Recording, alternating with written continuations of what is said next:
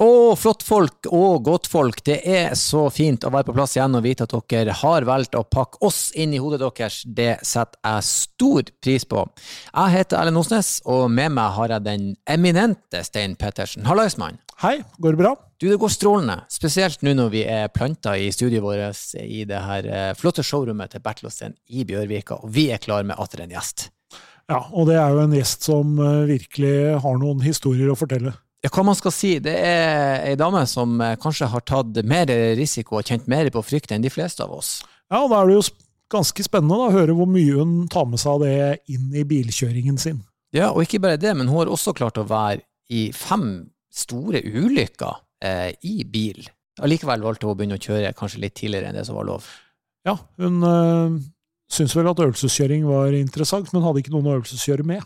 Ja, Spennende. Eh, gjesten vår er ingen ringere enn eh, Karina Hollekim, som er en norsk freestyleutøver og basehopper, forfatter, dokumentarfilmstjerne, foredragsholder og eh, veldig fascinerende prat vi hadde med henne.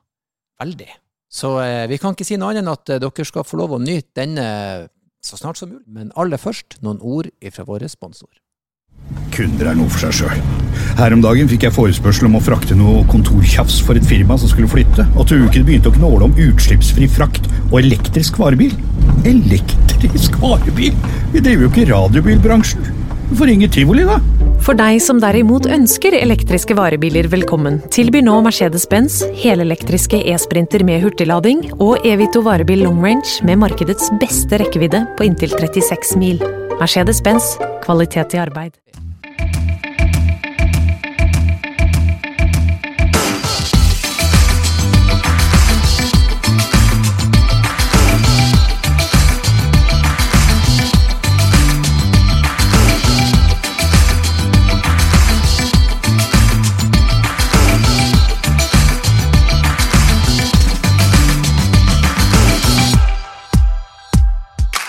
Hjertelig velkommen hit.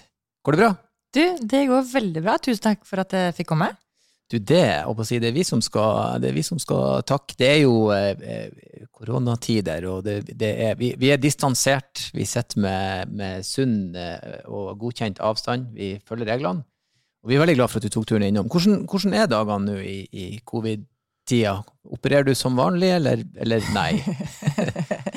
du, vet du hva, dette her er eh, veldig langt fra vanlig i min verden. Jeg jobber jo som foredragsholder. Mm. Reiser rundt i verden og forteller min egen historie på små og store scener. Og i tillegg til det så holder jeg kurs med Young Happy Minds.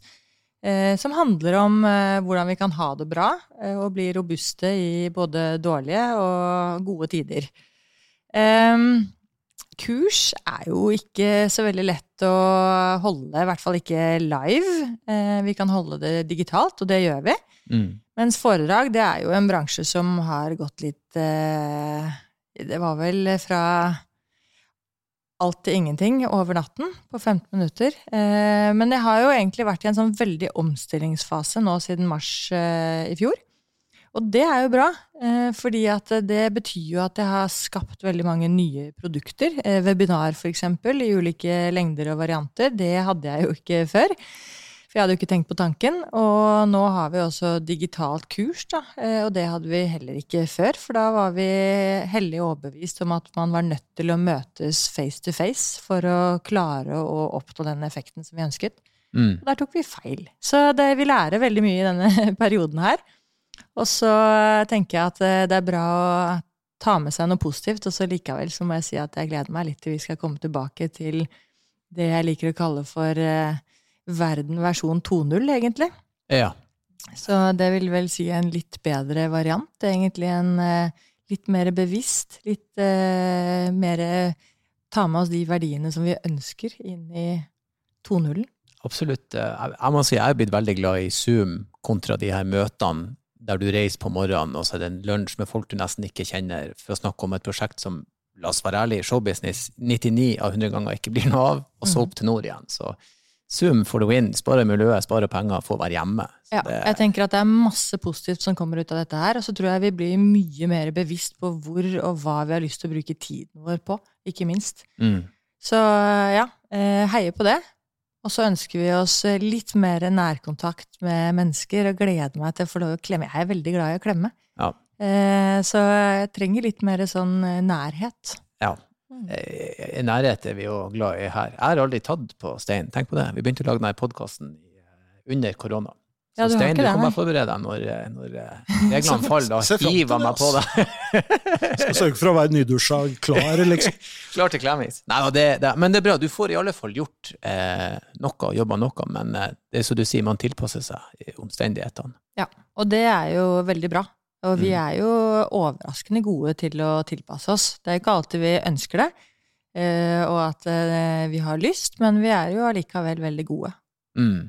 Det ligger nå også sånn sett i naturen vår. Det er bare gitt din egen historie. Man er nødt til å tilpasse seg omstendighetene, og det er ikke alltid man styrer de. Så Det er ikke det. kan man si gjør det beste ut av det, kort Mm. oppsummert. Og det er jo litt sånn som vi Ja, vi kommer jo til å sikkert snakke om det også, men det, å se mulighetene og ikke alle begrensningene. Det er det vi må gjøre her. Jeg føler vi har gjort en god jobb her inne nå. Se muligheter. Skapt et eget studio med Ja. god distanse, men eh, nærhet i blikkene. Det er bra. Ja da. Veldig bra. Det er en bilpodkast, eller vi, vi, vi snakker om bil, men veldig ofte så, så to har en tendens til å gå i takt med livet. Det er ganske sånn rart. Så vi er veldig sånn eh, interessert i å høre og vite. Men jeg skal, før vi nå begynner å snakke, så lurer jeg på, er du bilinteressert, eller er det transport? Åh, eh, er nok eh, litt bilinteressert Eller jeg er bilinteressert, ikke bilnerd. Eh, jeg er ikke så opptatt av eh, hva og hvordan under panseret. Eh, bare effekten Mm. er jeg nok litt opptatt av. Eh, så, så ja, jeg liker bil. Det gjør jeg. Det er absolutt ikke bare transport. Mm. Og jeg er også litt opptatt av Litt opptatt av image rundt bil. Eh, litt opptatt av looks, selvfølgelig. Litt opptatt av bærekraftighet, eh, miljø. Eh, opptatt, det er mange små faktorer som skal spille inn eh, for å få den perfekte kombinasjonen. Men jeg kan også dra den helt i andre retningen og tenke liksom old school. Der har vi også image. Det er mange, det er mange paralleller som kan dras eh, videre. Så jeg har elsk for mye ulike typer biler, da. Mm. Det der gjenspeiler jo veldig mye det Øystein Stein ikke er eh, veldig enig. Jeg òg, for den saks skyld. Jeg er også, jeg er også kanskje mest, eller mest, jeg er også veldig opptatt av image. Veldig, det er derfor jeg vil ha en surfebuss.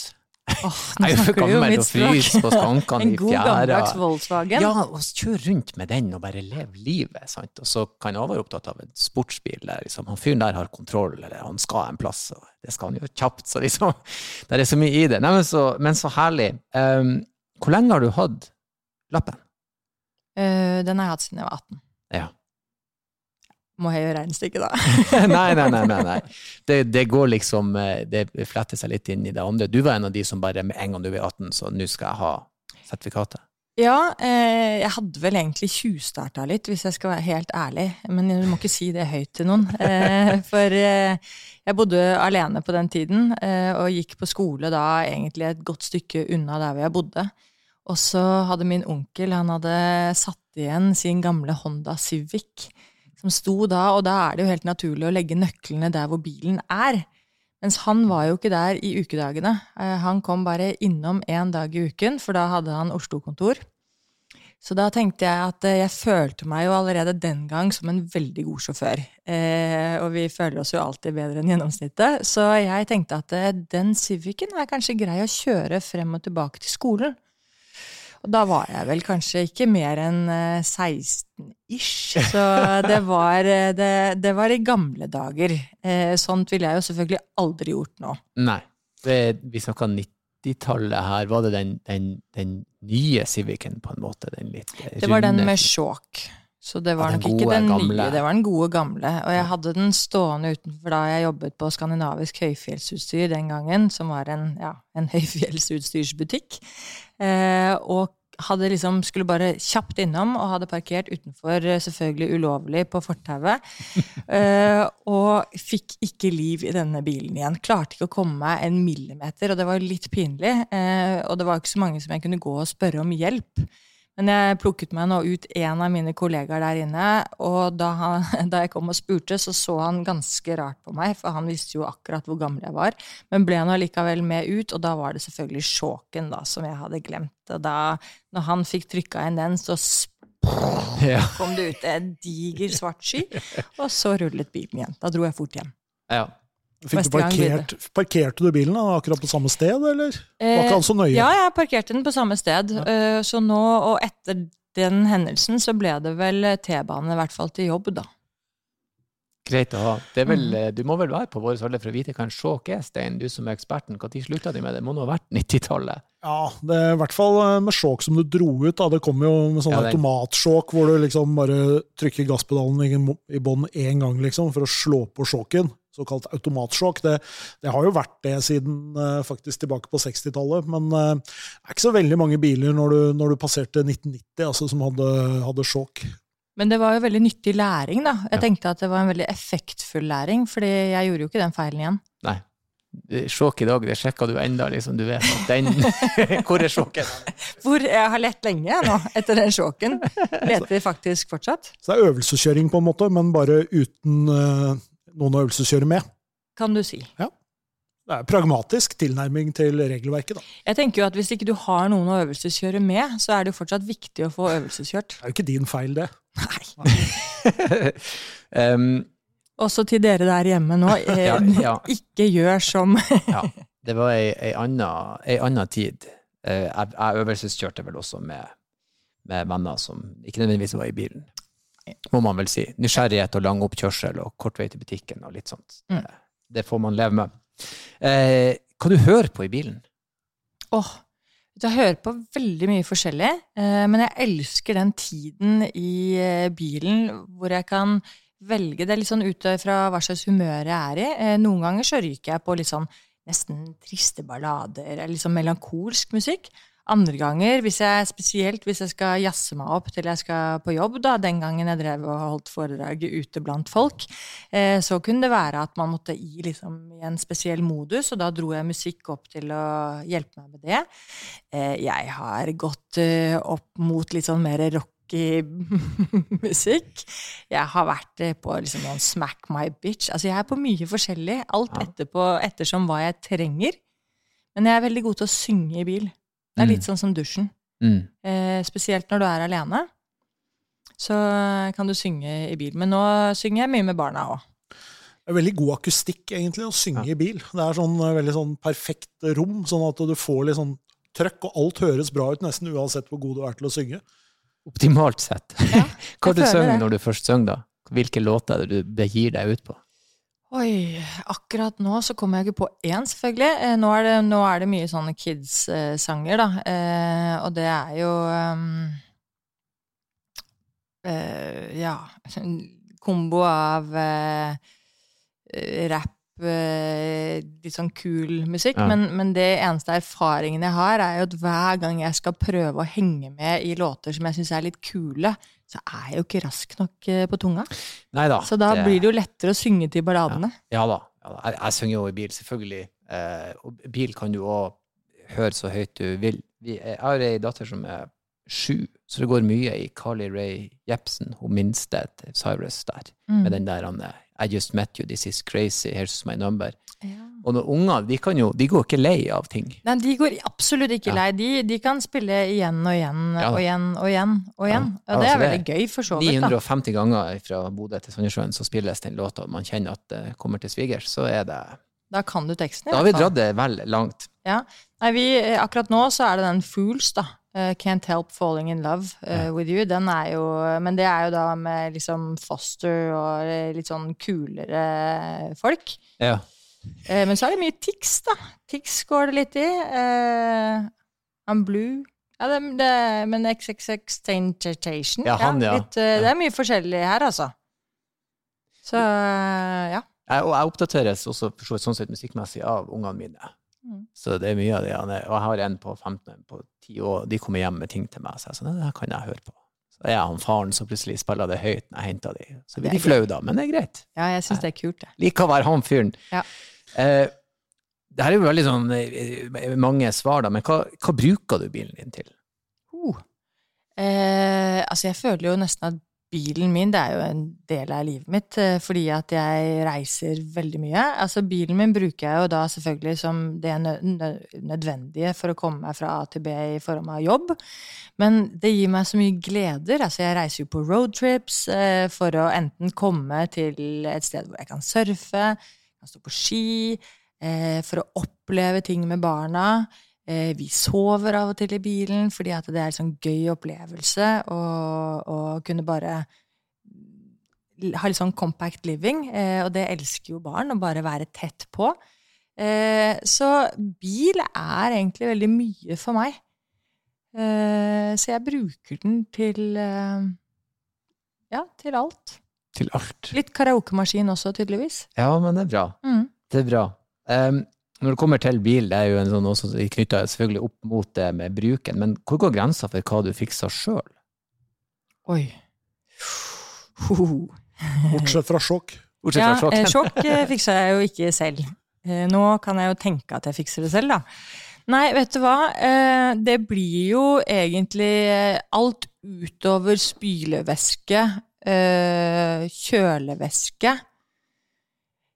Der stopper det vel opp tenker jeg. Uh, så jeg, jeg, fikser å ringe til uh, NAF, da. Eller eventuelt verksted. Det fikser jeg også. Det er jo ikke så verst. Nei, vi, vi må si at av alle gjestene vi har hatt, Stein, så svarer hun vel nøyaktig det som alle de andre. Det, det har i dag blitt sånn at spylevæsker og kanskje kjølevæske vann, så stopper det. Ja. Men ikke noe mer. Det er jo en begrensning i hva du kan gjøre på en, en ny bil i dag òg. Hvis hvis du har en forholdsvis ny bil. Så, så det er jo det, pluss at uh, komfortnivået vårt har blitt på det nivået der at uh, det leveres jo nesten ikke biler med reservehjul engang i dag, fordi at uh, de aller fleste har en sånn kompressor baki, men hvis de punkterer, så ringer de jo til veihjelp. Ja, jeg har fylt et punktert dekk med sånn skum. Det, det er ekstrapoeng, vil jeg si. du bruker bilen mye, men hvordan ser det ut i bilen din? Hvor ofte vasker du den? Jeg er jo egentlig veldig tilhenger i at den skal være ren, og er jo ganske over gjennomsnittet opptatt av det, jeg tenker Samtidig som jeg har to barn. Mm. Egentlig tre. For han på 45, han er jo også kanskje relativt lik som de, som er eh, seks og syv. Så tre barn, da. Tre gutter. Um, og de er innmari gode til å rote. Og de er gode til å søle, og så kommer de hjem nå etter en ganske sølete vinter, høst, vår osv., osv.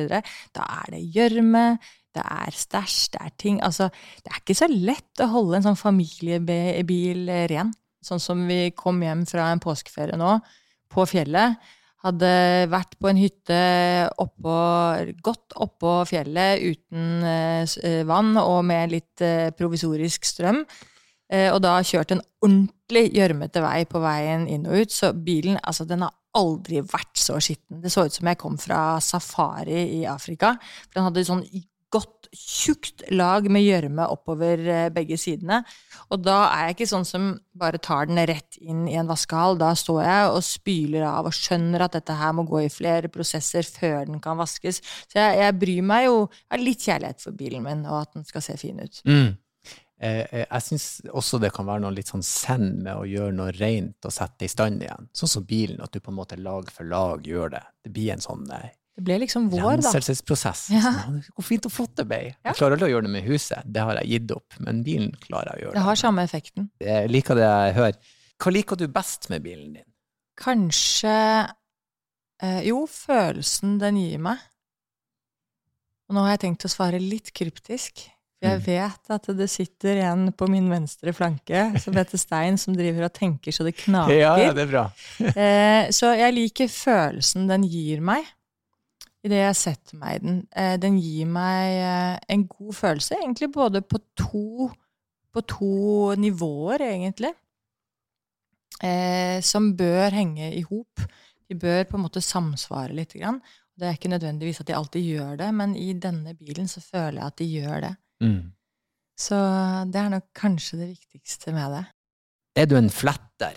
Og her er vi da ute etter eh, kjørepersonligheten din. Eh, Fletta du, eller tenker du at eh, jeg har rett til å kjøre, så da kjører jeg?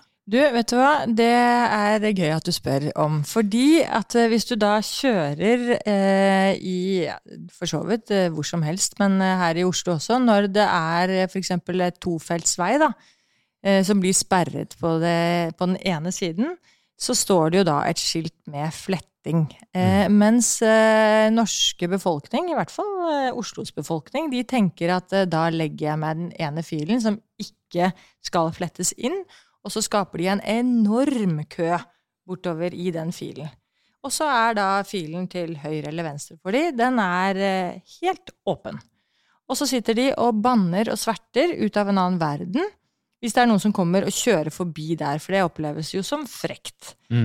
Og så mener jo jeg da at årsaken til at det står fletting, er jo for at man skal bruke begge feltene helt frem til flettingen, og så skal det gå annenhver og hver sin gang etter det. Men der er det akkurat som det har skjedd noe, en form for glipp. Så jeg prøver å gjøre en sånn mellomting, da, kan vi kalle det. For jeg har ikke lyst til å være frekk. Du kjører ikke helt fram til Nei, den sperregla, liksom? Det gjør jeg ikke. Og så kommer det nok litt an på. Noen ganger så legger jeg meg nok jeg også bare rett inn bak der. Men det, det stri, jeg blir litt sånn frustrert over at det, jeg er jo av en overbevisning om at hvis vi hadde brukt begge feltene, og på en måte bare flettet det naturlig, så hadde det gått fortere. Ja. Og det vet jeg ikke om, er, om stemmer, men jeg tror på det. Så jeg syns jo eh, at vi skal gjøre det, men det hjelper jo ikke å lære de gjennom å bare kjøre forbi heller. Så vi kommer jo ikke noe lenger på veien for det. Nei, jeg, jeg er så enig med deg. At, eh, for jeg- vi lærte jo det på oppkjøringa som en glidelås annenhver. Ja. Vi alle lærte jo det. Og så eh, når det kommer ut i prakt, det er ingen som husker det. Og det er i sør, det er i nord, Ja. det er overalt der det er litt ansamling av trafikk. Så jeg sa, men vi skal jo flette. Vi, vi, vi, vi, vi, vi skal det. Men det, er, men det er rart, fordi det er tydelig at det er gjerne eh, sjåfører av, en viss, av visse bilmerker som eh, husker det der bedre enn andre. Altså, De er flinkere til å kjøre helt fram på venstre side da, Ja, enn de som ligger til høyre. det? Nei, det er jo ikke nødvendigvis uh, Det er ikke nødvendigvis Honda, for eksempel, eller Skoda, eller noe sånt, som kommer liksom som som- drar forbi der. Det er gjerne folk som tenker at eh, betalt såpass mye for den bilen her at jeg skal faktisk helt fram her, jeg, gitt, før jeg legger meg inn.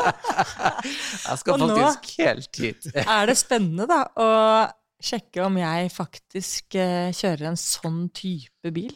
Det blir spennende å se, men jeg liker at du på en måte du, du, du, du vil gjerne vise hvor folk skal, men du går ikke helt frem. Så du Nei, jeg, jeg kjører nok en sånn middelvei, for jeg tenker jo også at det er Jeg forstår jo at folk oppfatter det som litt frekt. Mm. Og jeg har jo ikke lyst til å være frekk. Nei.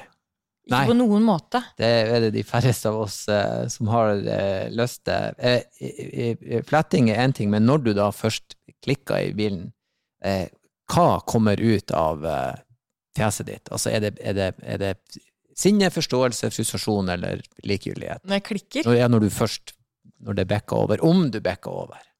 Ja, eh, jeg tror ikke jeg klikker i bil, jeg. Ikke sånn Nei. Ikke Men sånn passiv-aggressiv heller. nei, jeg kan bli litt oppgitt. Ja. Det blir jeg. Men det Liksom- viser du deg, da. Ja. Da er jeg sånn eh, Det er lov å gasse på, eksempel. Mm. Eh, du trenger ikke å ligge 15 km under fartsgrensen, eller 5 for den saks skyld. Eh, så da kan jeg godt være litt sånn Jeg kan uttrykke det, eh, men ikke med sånn sinne. Eh, for det syns jeg egentlig er litt sånn jeg, jeg tror jeg ler litt av det. Jeg, husker en gang jeg satt eh, oppover Kongeveien eh, på vei opp mot Ekeberg, og der stoppet det i gamle dager, når man dro til jobb i byen, så stoppet det veldig ofte på vei hjem der. Og da er det jo bare ett felt, så var det en sommerdag, og jeg satt der og kikket i speilet, så ser jeg han bak meg. Altså, han er så sinna for denne køen, da, som er helt eh, akkurat sånn som det pleier å være. Og han slo i panseret, og han knytta nevene og ut av vinduet og la seg på tuten og bare Og var så sinna. Så tenkte jeg liksom Du, min gode mann. Altså, Du må jo bare ta en chill-pill og ta det helt med ro, for dette her er ikke bra for, eh, for hjertet ditt. For, eh, så jeg tenker liksom at sånne type ting Som på en måte ikke er noen overraskelse. Det er ikke det at noen har gjort noe feil. Det er bare liksom Det er sånn livet er, på en måte. Da tenker jeg at jeg kanskje du skal bruke den tiden på å ringe mammaen din, f.eks. For, eksempel, for hun har jo helt sikkert kjempelyst til å høre fra deg. Mhm. Og når du enda sitter her i kø, da, så er det jo en fin tid til å ringe mutter'n, da, kanskje. Eller ja, gjøre noe annet. Eller synge en sang, da, selvfølgelig. Ja. ja da. Det er jo flaut å si at at jeg nok kan fyren som kan hytte med neven. da. Jeg kunne aldri ha gjort noen noe i mitt liv, men jeg kan bli så sint. På en helt vanlig kø. Å ja, ja. Ja. Eh, Helt, og av mindre ting òg. Ja. Helt ubegrunnet. Jeg vet ikke hvorfor, eh, men i bil så er det en kobling der som ikke er jeg, jeg jobb, Men jeg begynte eh, Kona mi er et fantastisk menneske, så har, vi, vi har begynt å jobbe med det. Men for hun flirer, ikke sant? Ja. Og det er jo flaut når jeg er sint på en fyr som var på hvitlinja for fem mil siden. Hun er sånn 'Du må slippe det, vi har kjørt i en time her'. Og jeg enda sånn 'Jeg må stoppe plassen, jeg skal ringe', jeg skal begynne å skrive leseinnlegg, jeg formulerer det i hodet mitt, jeg skal bare skrive det ned og sende det til avisa. sant? Ja. Så, Du kan jo si at du har mye lidenskap, da. Det er jo bra. ja, ja da. ja da. Men den, som du sa, ring mor di heller. Den er bedre forvalta på, en, på en helt annen måte. Men jeg er nok mer frustrert på dårlige sjåfører som kjører dårlig, enn på f.eks. kø, da. Mm. For kø er sjeldent. Det er jo selvfølgelig av og til eh, pga. én dårlig sjåfør, det også, men, eh, men det er oftere bare summen av eh, mange biler. Mm. Eh, så ja. Det er klart Når man da er blant de beste sjåførene på veien, så er det klart det er mange som er dårligere enn meg. da. Det er også et problem. Det er sant. Veldig fin overgang til på en skala fra én til ti. Hvor god er du til å kjøre Oi, bil, oi, oi. og hvorfor? Jeg må nok innrømme at jeg var bedre sjåfør før. Eh, fordi jeg har gått inn i et sånt tradisjonelt eller et sånn eh, mønster, egentlig, som, hvor at det er nå min eh, samboer som kjører mer. Så når vi kjører til fjellet og, og liksom har lengre kjøreturer, så er det oftest han som kjører. Eh, og det gjør jo noe med hvor mye jeg kjører, og da blir jeg jo ikke nødvendigvis en bedre sjåfør av det. Eh, og så må jeg innrømme at vet du hva, jeg har blitt litt redd. Eh, og jeg kan skylde på ulykken som jeg har vært utsatt for. Og det gjør jeg nok litt. Fordi at når du vet at kroppen din ikke lenger tåler noen form for støt, på en måte, at du ikke tåler en, en impact, så um, blir du mer reservert. Men det kan hende at jeg bare har blitt litt eldre òg. Jeg vet Ja. ikke helt. Eh, Kanskje fordi jeg har fått to barn. Kanskje er summen av alle disse tingene. Mm. Men jeg har nok blitt en dårligere sjåfør. Altså, det er bare å egentlig stikke fingeren i jorda og innrømme det først som sist. Så du er nede på åtte kanskje nå, da bare. Nei, jeg er nok sikkert enda litt lavere. Men Men, jeg er jo selvfølgelig i min egen oppfatning bedre enn gjennomsnittet, som alle syns. Men eh, nei, altså jeg tror nok og liker å tenke at jeg er, eh, hadde, hvis jeg, hvis jeg går i past tense, eh, en, en rask reaksjonsevne. Jeg hadde evnen til å holde hodet kaldt i situasjoner hvor det brenner på dass, som det så fint heter. Mm. jeg eh, innbiller meg at eh, jeg hadde relativt god trening. Jeg likte å kjøre glattkjøring, f.eks., så vi kunne dra til isbaner. Jeg har også vært på en del sånne baner i Østerrike eh, og trent. Jeg har jo også vært sponset av Red Bull, som er ganske store på, på eh, biler. Formel 1, Formel 3 form, Altså, vi vi har vært mye på bane, og da kjørt banekjøring. Og det også gjør jo noe med ditt eget forhold til fart, øh, og hvordan du må bremse inn, og osv., osv. Så, videre. så jeg, jeg tror nok jeg har gått over gjennomsnittet trening i å kjøre bil på både gode og dårlige forhold. Og så har jeg kjørt mye på fjellet, Mm. i snø og slaps. For her i Norge så er det jo fascinerende hvor dårlige sjåfører vi blir den første snødagen hvert eneste år, selv om vi har snø hver vinter. Mm. Så, men eh, ja, så jeg, jeg tror nok jeg har mye trening. Mm. Men det har nok eh, falt litt, altså, siden den gang. Vi, vi, vi, vi må jo Her var jo her var masse godbiter inni her. Red Bull og Formel 3 og Begynn med is. Det var noe du likte å kjøre på, på glatta og Ja. oppsøkte. Fortell litt om det. Nei, altså, jeg vet faktisk ikke hvordan det er i Norge, eh, men i Østerrike blant annet, da, eh, så har de en del sånne is, ice tracks. Eh, som du kan da kjøpe deg inn på og kjøre. Eh, og da får du jo utdelt biler fra de. Jeg tror også du kan komme med egne biler, men vi har kjørt kun med andre biler. Eh, og så kjører du på is, faktisk. Og, og du kan også kjøre race på is. Du kan enten komme dit og bare trene. Eh, og da kan du også få tips eh, fra de, eller du kan dra dit og kjøre race. Mm. Eh, og jeg har vel også kjørt race eh, oppe ved Gardermoen. Der har de også en bane som du kan kjøre Det lurer på om det er noen gamle Volvoer og gamle Bilcrossbiler, ja. Ja, jeg tror det. Eh, men, eh, men det er altså Jeg må si jeg syns det var rågøy. Det er artig. Det er psyko. Og så er det et eller annet med at når du kjører en bil som du vet det er greit å bulke litt, så får du virkelig testet ut hva gjør eh, dette her med bilen? Eh, at jeg f.eks. kjører sånn, at jeg kommer litt aggressivt inn. at jeg kommer, Du får virkelig kjenne effekten.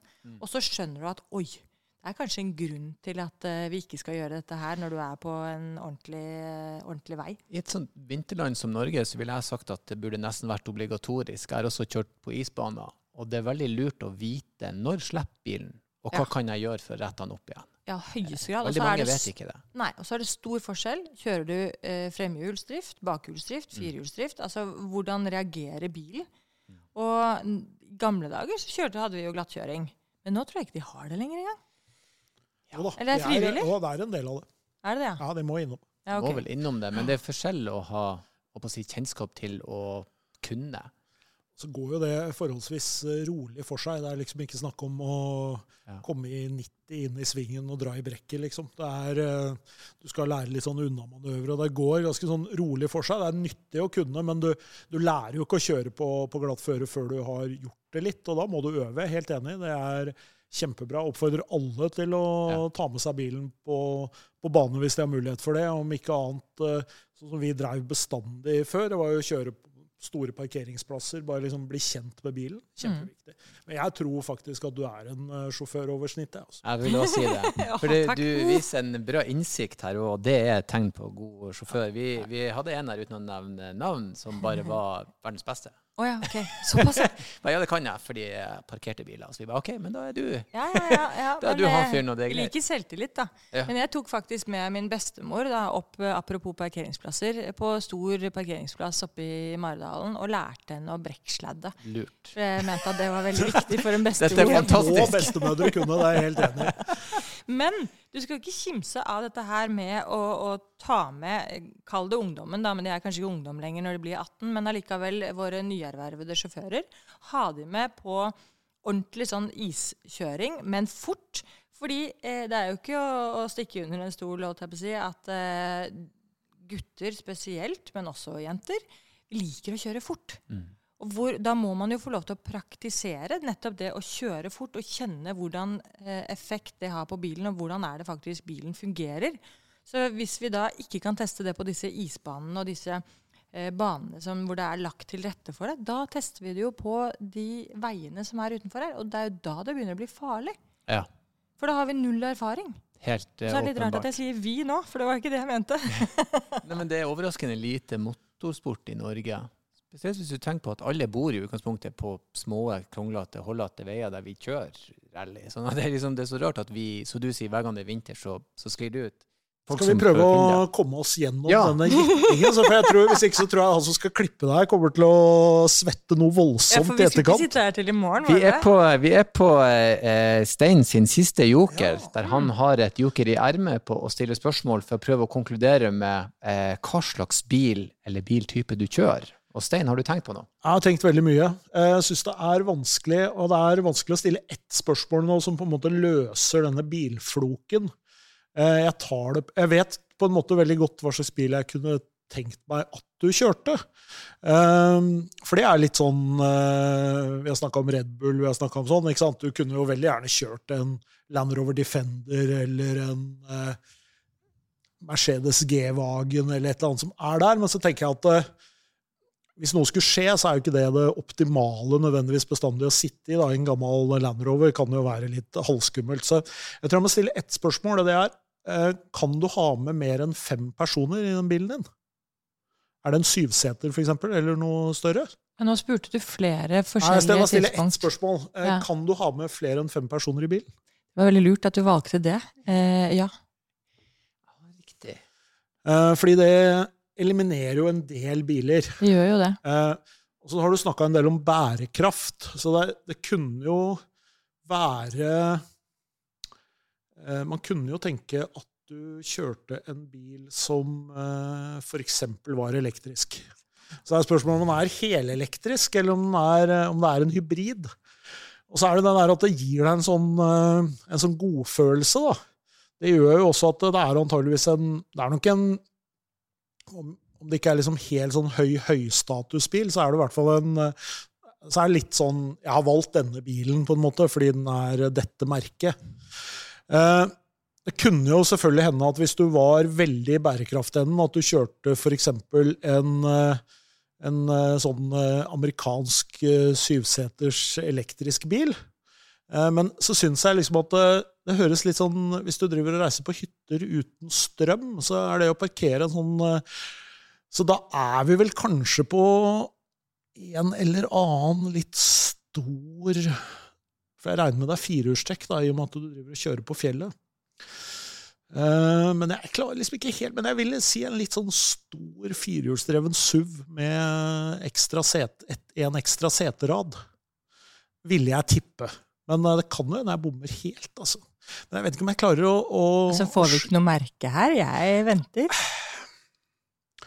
Det kunne vært en eh, Det kunne vært noe da, fra type Range Rover, Land Rover-familien, selvfølgelig. Der finnes det jo noen med, med syvseter. Det kan være en Mercedes GLE, eksempel. Det er jo en stor firehjulsdreven bil med bakseter.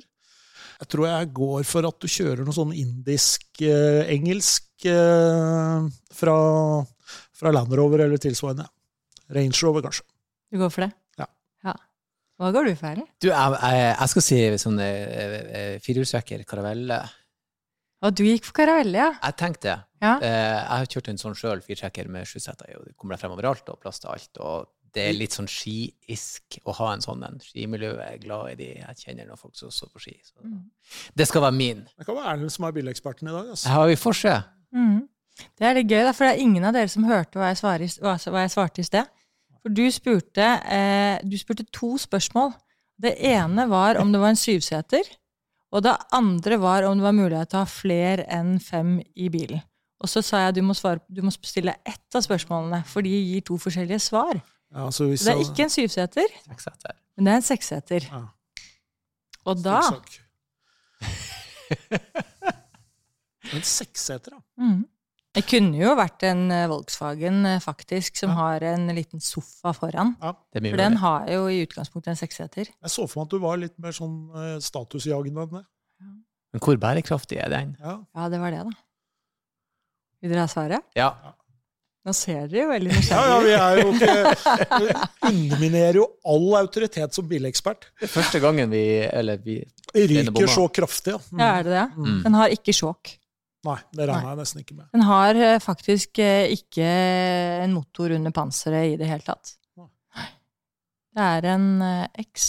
Det er min beste X. Jeg har aldri hatt så godt forhold til en X noen gang. Er det gang. det du har? Ja, så en Tesla.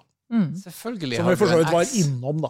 Du var innom, og der kom bærekraften. Ja, ja, ja. Der kom romfølelsen. Ja. ok, Og nyteknologi i form av store skjermer, i form Ja, av liksom Her var det high end. ut. Det var det første jeg tenkte, men jeg følte- turte liksom ikke å stå i det. Det er jo en svakhet. Da, Og jeg mistenker jo at du tenker at Tesla-eiere er jo de som kjører forbi denne Ja, der eh, Vi er jo eh, altså hyttet. Eh, og, og jeg liker jo ikke å identifisere meg egentlig med det stereotypen av Tesla-eier, men det er jo kanskje bare å innse at jeg Vet du hva? Jeg har en sånn forkjærlighet mot elektriske biler som er nytenkende, som ikke bare har tatt en vanlig, gammeldags, eh, vanlig altså hva heter det, altså bensinbil, og liksom konvertert den til en elbil, og så får du litt mer dippedutter foran, litt mer teknisk. Altså, jeg mener, her skal det være Altså, jeg er jo utdannet eh, systemutvikler, programmerer, jeg liker Ja. data, IT, altså Mm. finesser. Jeg syns det er gøy, jeg. Det er lekent. Jeg er jo også enig i L-aspektet. Jeg liker også L. Jeg kjører L, men jeg er langt mer snobbete. Ja, Jeg må innrømme at Tesla, det er sånn mm, Det der er en stor iPad. eh, Det er for, detaljene er ikke bra nok. Jeg vil ha arv. Ja, hva, vil, hva vil du ha da på L? eh, jeg vil ha et eller annet tysk. Jeg har alltid likt tyske biler. Vi er veldig Altså, vi har snakka enormt mye om bil, og du har jo veldig mye gøy å ta av her. Spesielt dette med både banekjøring og alt mulig. Men eh, er det en bilhistorie som skiller seg ut, som du tenker på spesielt? Ja, vet du hva, jeg har egentlig veldig mange bilhistorier eh, når jeg tenker meg om. Eh, mange av de er nok kanskje ikke så bra. Eh, jeg har mye krasj eh, med bil. Eh, og i og for seg så har jeg jo en funny twist, da, som for så vidt kanskje ikke endte så bra, men endte bra likevel. Og det var jo eh, en periode når jeg var en åtte-ni ni år, tenker jeg, hvor vi hadde krasjet litt mye i bil i det siste. Så jeg hadde liksom tre alvorlige krasjer eh, i kort, korttidsminne. Og så hadde jeg streiket litt, for jeg ville ikke kjøre mer bil. Ehm, men pappa sa at nå skal vi til Hemsedal, og du kan bare glemme at du skal ta toget til Hemsedal. For det ble litt mye logistikk. Så eh, jeg ble med eh, mot et kompromiss om at jeg fikk sitte med helhjelm i bilen hele veien til Hemsedal. Så jeg satt da i baksetet, eh, heldigvis oppå en sånn liten pute som du vet du satt på den gangen, med helhjem, altså hele veien eh, til Hemsedal. Og så kommer vi på en lang slette rett før eh, Gol, og i denne sletta så er det speilblankt. Eh, og vi får sleng på bilen. Og bilen begynner å rotere 360 grader rundt. Altså det er så glatt at vi bare spinner rundt og rundt og rundt. Men fortsatt på i veibanen, da. Men mot da en motgående bil som kommer, og som ser jo oss pga. lysene og at det går 360 grader rundt og rundt og rundt. Og den bilen klarer jo selvfølgelig heller ikke å stoppe, fordi det er så glatt her. Så den bilen treffer oss rett inn i siden, eh, akkurat der hvor jeg sitter, i baksetet. Men pga. at jeg da sitter både på denne puten og har helhjelm, så treffer, så slår jeg altså hele hjelmen inn i ruta på sidevinduet, og steinsplintrene bare står i hjelmen. Eh, og når eh, politiet kommer og plukker meg ut fra den rimelig sønderknuste bilen, så eh, tror jeg både jeg og de og alle involvert var rimelig takknemlige for at eh, hun jenta der, hun tok på seg helhjelm i denne Shit, kjøreturen i bil. Så det reddet, eh, reddet meg, i hvert fall. Wow. Så du skal ikke kimse av helhjelm i bil. Nei. Men, men da har dere vært involvert i en del ulykker, da, før du faktisk bestemmer deg for at jeg må ha hjelm når jeg kjører bil med foreldrene mine? Ja, eh, vi hadde det.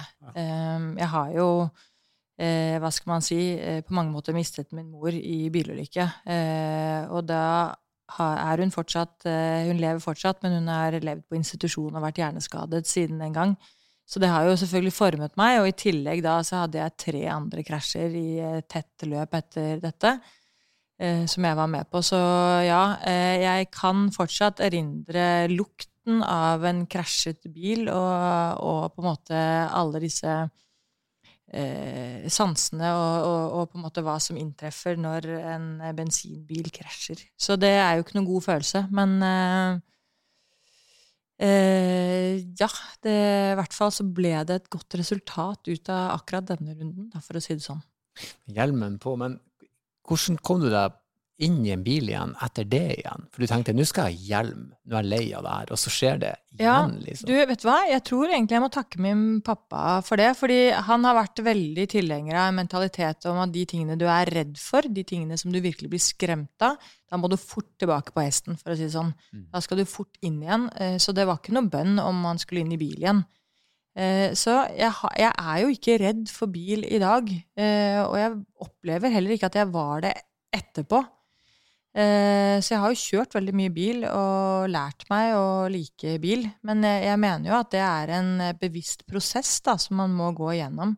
Og for meg så var dette å kjøre bil eh, den gangen kanskje en periode et nødvendig onde.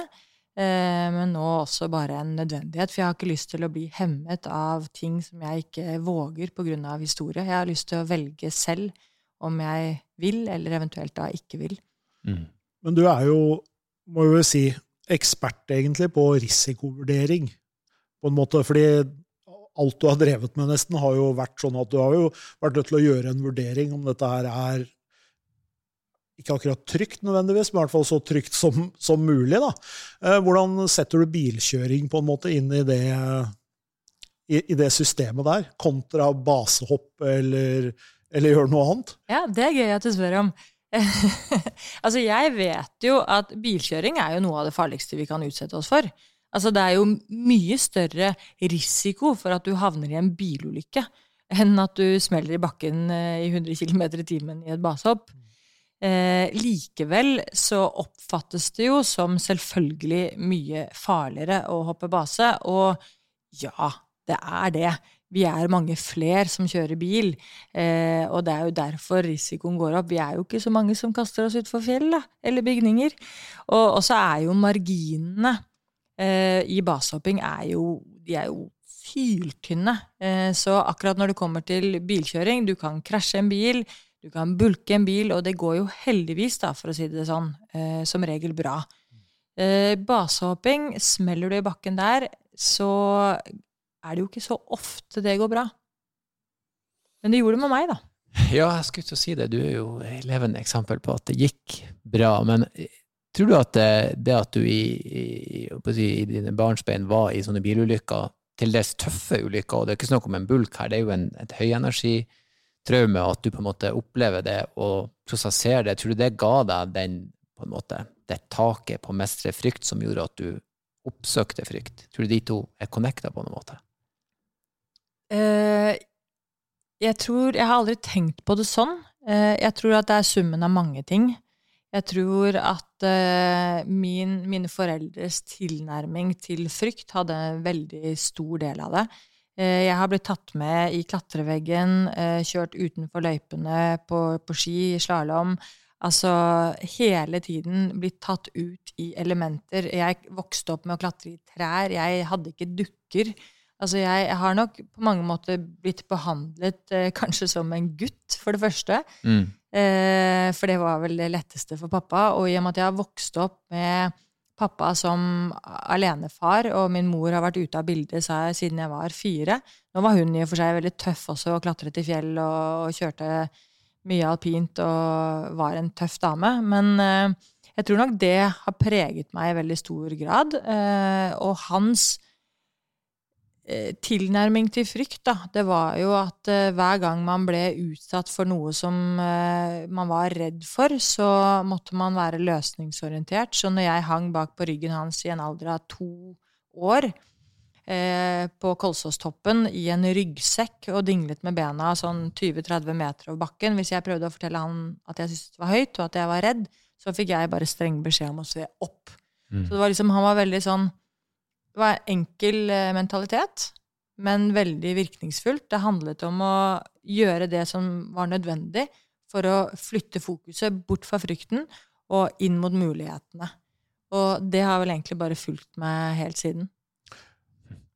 Hvordan øh, tenker du at Kommer du til å reise på hytta med dine 16 og 15 år gamle gutter hjemme og la bilnøkkelen ligge sånn at de vet hvor den er, tror du? Hvordan, hvordan, hvordan, på en måte formidler du ditt forhold til risikovurdering til dine barn, da? Jeg tenker jo at det, det, er godt ikke de er så glemme at de hører på podkast enda.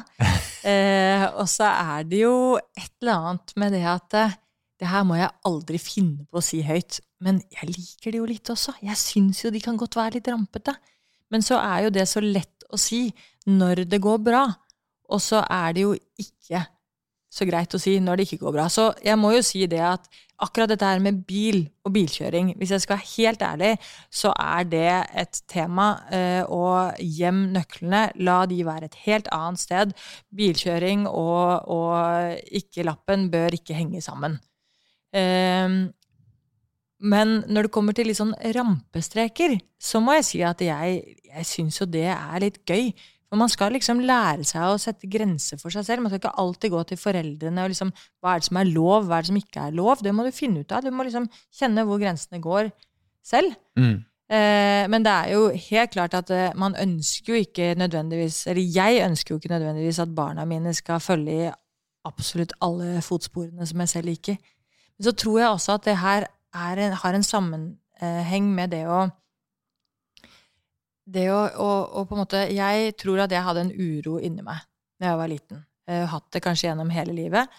Og den uroen, den følelsen av å ikke passe inn, det, det å ikke liksom passe inn i den 8-4-hverdagen eller 9-5, alt ettersom, det, det, gjorde at jeg var nødt til å søke til aktiviteter som ga meg en mestringsfølelse. Og det er klart at det å stå og balansere på en måte liv og død, da, som man gjør som en basehopping, basehopper, eh, den mestringsfølelsen, den er over enhver annen mestringsfølelse. Hvis du klarer å håndtere den følelsen, så gir det deg en selvtillit som gjør at alle andre hverdagslige utfordringer, alle andre hverdagslige problemer, de blir ingenting i sammenligning. Så jeg følte at hvis jeg kunne håndtere det, så bring it on. Jeg kan håndtere hva som helst. Så det gjorde egentlig at jeg følte at jeg håndterte min hverdag eh, på en, en, måte som fungerte for meg. Men det gjorde meg jo også, kall det nesten sånn avhengig av å, å, å, bevise at jeg kunne håndtere disse store utfordringene. Mm.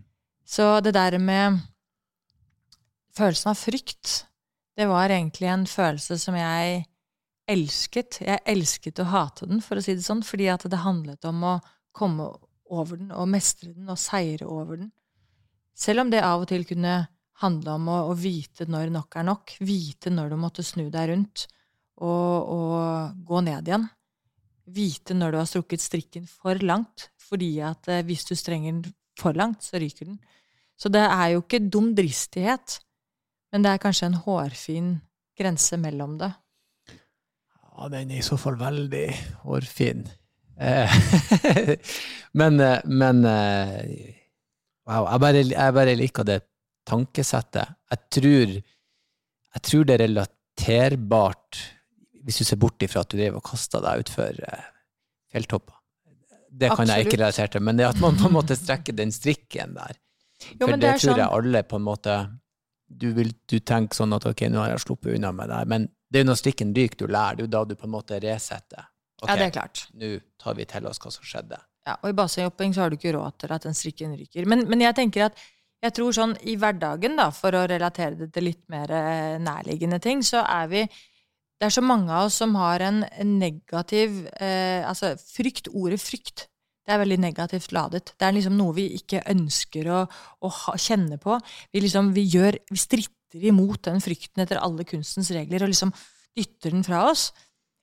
Mens frykt i seg selv er jo egentlig en, en, positiv egenskap. For det første så er det det som har holdt oss live eh, i alle disse tusenene av, av år. Mm. Men det, også, det, det, trigger jo så mange måte reaksjoner i kroppen vår. Det gjør oss, det er liksom fight or flight eh, som gjør oss klare til kamp. Det skjerper sansene våre. Det er liksom blikket vårt, hørselen vår, alle mulige Vi registrerer mye mer enn vi gjør når vi ikke er inne i denne fight or flight-tilstanden. Eh, så frykt er egentlig noe som hjelper oss å prestere på vårt beste. Så det å gjenkjenne frykten og tenke at hæ, nå er jeg skjerpet, mm. nå er jeg klar til å håndtere mer enn jeg normalt sett ville ha gjort, det er jo en fantastisk følelse. Mm. Og hvis man da kan klare å, å liksom, eh, ønske den velkommen, så tenker jeg jo at vi kan bruke frykten til å hjelpe oss istedenfor å hele tiden stritte imot den. For det er jo det som får oss til å vokse, til å utvikle oss, til å på en måte gå utenfor komfortsonen og, og, ja, utfolde oss, da. Men, Utvikle, sa jeg det? Jeg sa vel det. Men når klarte du å sette pris på frykten? Der er jo en sånn du, Jeg kan bare tenke meg at det er første gangen du kasta deg ut og landa 20 sekunder etterpå, da så er man sånn Wow, for et rush! Det mm. går jo noen ganger før du på en måte klarer å ta inn absolutt alt som og, og bare Absolutt. å stå i det og, og, nyte, det må jo være en tilvenning. Ja, ja, ja, uten tvil. Fordi aller første gangen som jeg hoppet et basehopp, det husker jeg nesten ingenting av. Da hadde Ja. jeg sånt eh, tunnelsyn som egentlig bare handlet om å gjøre det du har liksom fortalt deg selv at du skal gjøre, og så husker jeg ingenting. Så tenkte jeg hæ? Er dette alt? Mm. Er dette det? Det her var jo ikke noe gøy.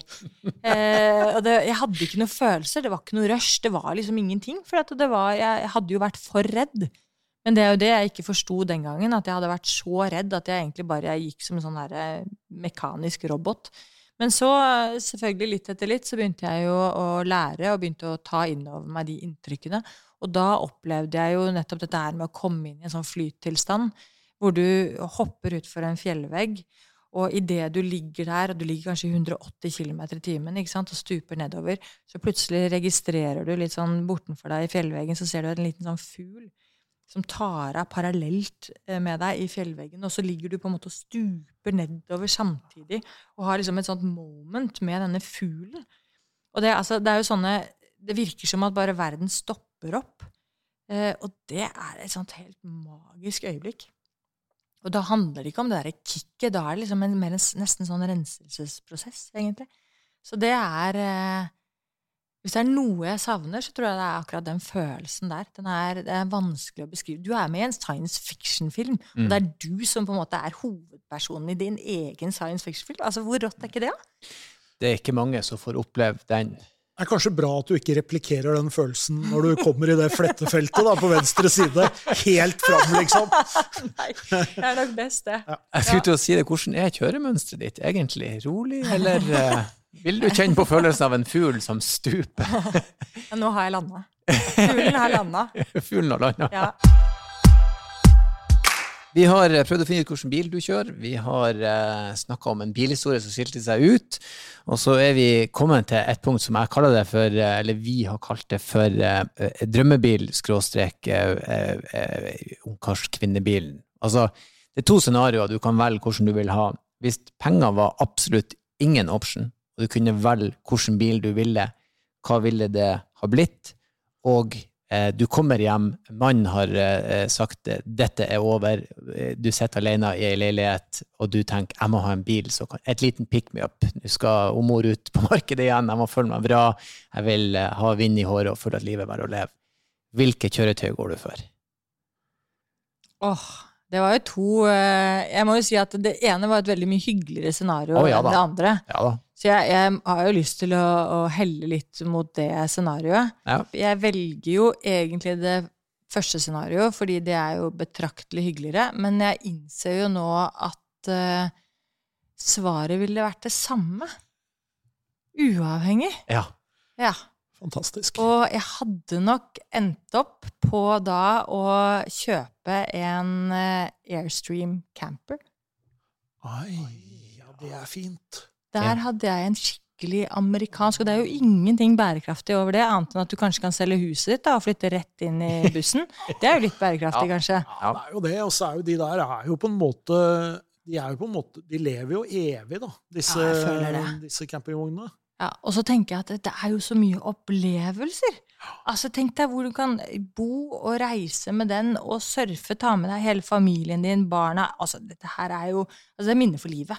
Jeg, altså, jeg virkelig eh, ønsker meg en Airstream. Det er jo et nydelig valg. Ja, det er et nydelig valg. Det er et eh, veldig uventa Eller ikke egentlig ut ifra den, men vi har ikke noen som har gått den veien før. Vi har fått mye sportsbiler her. Folk har sagt at jeg skulle hatt en rød liten sak og flotta meg i, men du skal rett og slett bare Da tar jeg en E-stream, og så stikker jeg. Rett og slett. Ja. vi Det jeg ses ikke. Jeg skal ut på veien. Ja, kan du det- velge hvem du vil ha med deg, hvor mange du vil ha med deg, og det er helt supert. Absolutt. Eh, og det kan nok hende det hadde blitt flere enn bare familien òg. Men Mm. familien hadde jo vært eh, definitivt med. Mm. Tydeligvis da med eller uten mann, da, ettersom scenarioet der. Og du er ikke den eneste heller som har landa på at bilen er den samme på begge to dilemmaene. Det er litt gøy. Det er faktisk ja, faktisk eh, flere som har sagt at vet du hva, det er samme bilen. Om jeg vinner i Lotto eller hos Tex, er det samme bilen jeg ender opp med. Så det er litt, eh, det er litt artig.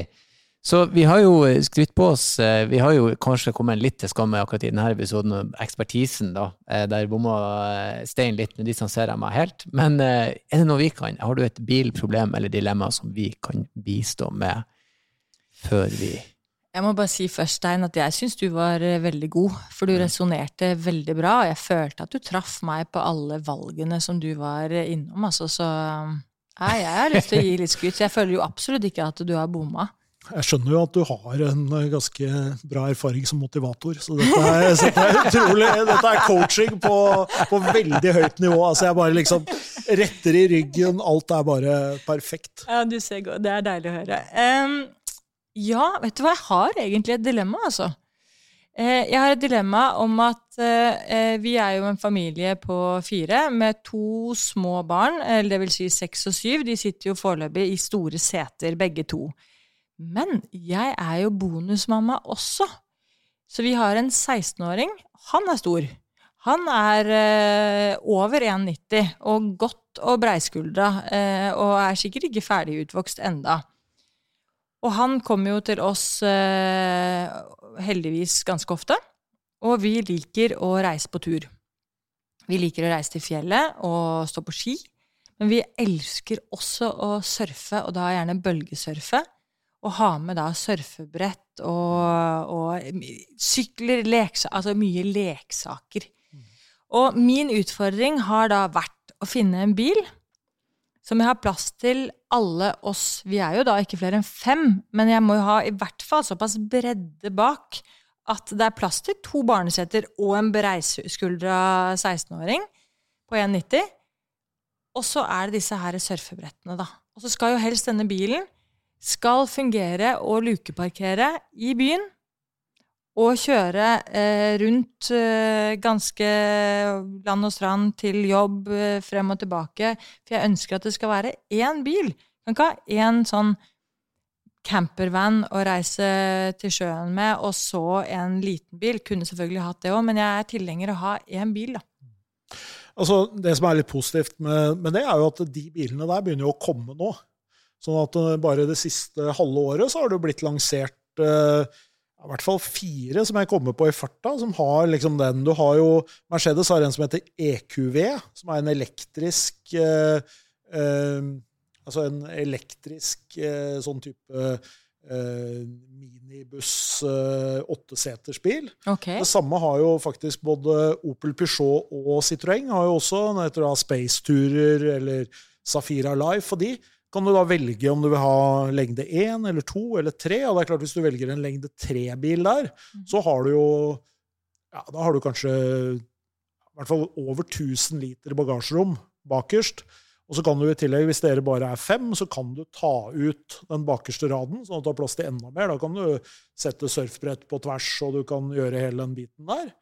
Eh, og så har du eh, Ser du nå for deg meg i dress fra topp til tå. Komme med en liten laptop under armen og ut av de bilene også? Jeg syns faktisk ikke det er så gærent. Det kommer litt Nei. an på hva slags farge du velger. og sånn. Det er klart at det, det, er jo ikke altså En sånn type flerbruksbil, minibuss, har jo ikke vært det som folk har tenkt at det har vært det mest uh, sexy, akkurat.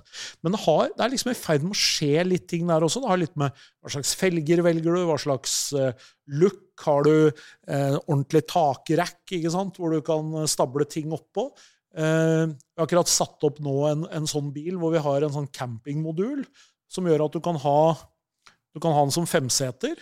Og så, når natta kommer, så bare flipper du den framover. Da er det seng fram der. Kan to stykker ligge der. Så kan jo noen ligge ute i hengekøye eller et eller annet. Og under den senga så har du full kjøkkenløsning med bluss og kjøleskap og skjærefjæler og, og arbeidsverktøy. Så Kanskje noe i den stilen der. Så sånne moduler finnes, eh, Det fins flere som lager de modulene, og de kan passe inn i mange forskjellige typer biler. Altså Du kan antageligvis få en som til og med passer i X-en din. Men, eh, men det fins eh, sånne løsninger, og da har du den kombinasjonen. fordi min erfaring, da, som har unger på, på 16, 20 og noen og 30, er jo, viser jo at det er ikke alle som har lyst til å være med bestandig. Og da har du en sånn fleksibilitet i det der. Og så er det gjerne sånn at når de blir litt eldre, syns de det er kjempehyggelig å være med på tur igjen. Så, så, da har du en mulighet. Så kanskje en sånn type bil, da. Eh, og så må du, da må du liksom gi fra deg litt grann av det aller kuleste, de største skjermene, eh, de største motorene, noen sånne ting. Men til gjengjeld så har du noe som du kan bruke hver dag, enten du skal på stranda eller om du bare skal på butikken. Ja, men det er gøy. Dette liker jeg. Jeg kjenner at nå er det jo bare rett inn og google med en gang. Og kanskje jeg må, når jeg kommer tilbake her neste gang, og vi snakkes, så kjører jeg en helt annen bil. Det blir en ny gjettekonkurranse. Det er mulig. Bra. Mye mulig. Eh, det har vært eh, så utrolig hyggelig at du kunne komme og besøke oss. Eh, fascinerende, eh, og folk må, jeg må bare oppfordre folk til å finne Ligg på iTunes, eh, 20 Seconds of Joy, som er ikke bare en sterk film, men utrolig spennende. Så jeg, jeg, jeg satt med tærne krølla inn i skoene mine. så den anbefales. Du har også skrevet bok. Ja. Den vidunderlige følelsen av frykt. Ja. Den, den, skal jeg faktisk den, den føler jeg må, Etter jeg har sett filmen, jeg må nesten lese den. Jeg vil anbefale folk å gjøre. De kan finne deg på Instagram. Du driver jo og jobber og holder foredrag og coacher. Så ja, tusen hjertelig takk. Du, tusen takk si. må jeg si, for at jeg har storkost meg. Det har vært veldig hyggelig å få lov til å være her og Bra. sitte og prate i bil. Det er mye ja, det er hyggelig. gode minner. Ja, det er hyggelig. Det er veldig gøy. Før vi helt gir oss, er jeg inne på slutten her, og for en prat det ble. For et menneske, for noen historier, for en livskraft. Fantastisk. Det var en helt nydelig gjest, og vi ønsker selvfølgelig å vite hva dere syns. Om dere har forslag til gjester, om dere har historier, eller vil interaktere med oss, så gjør gjerne det. Da kan dere sende en e-post til bakrattet.bos.no. Altså bakrattet.bos.no. Og nå sier jeg farvel, og kjør forsiktig.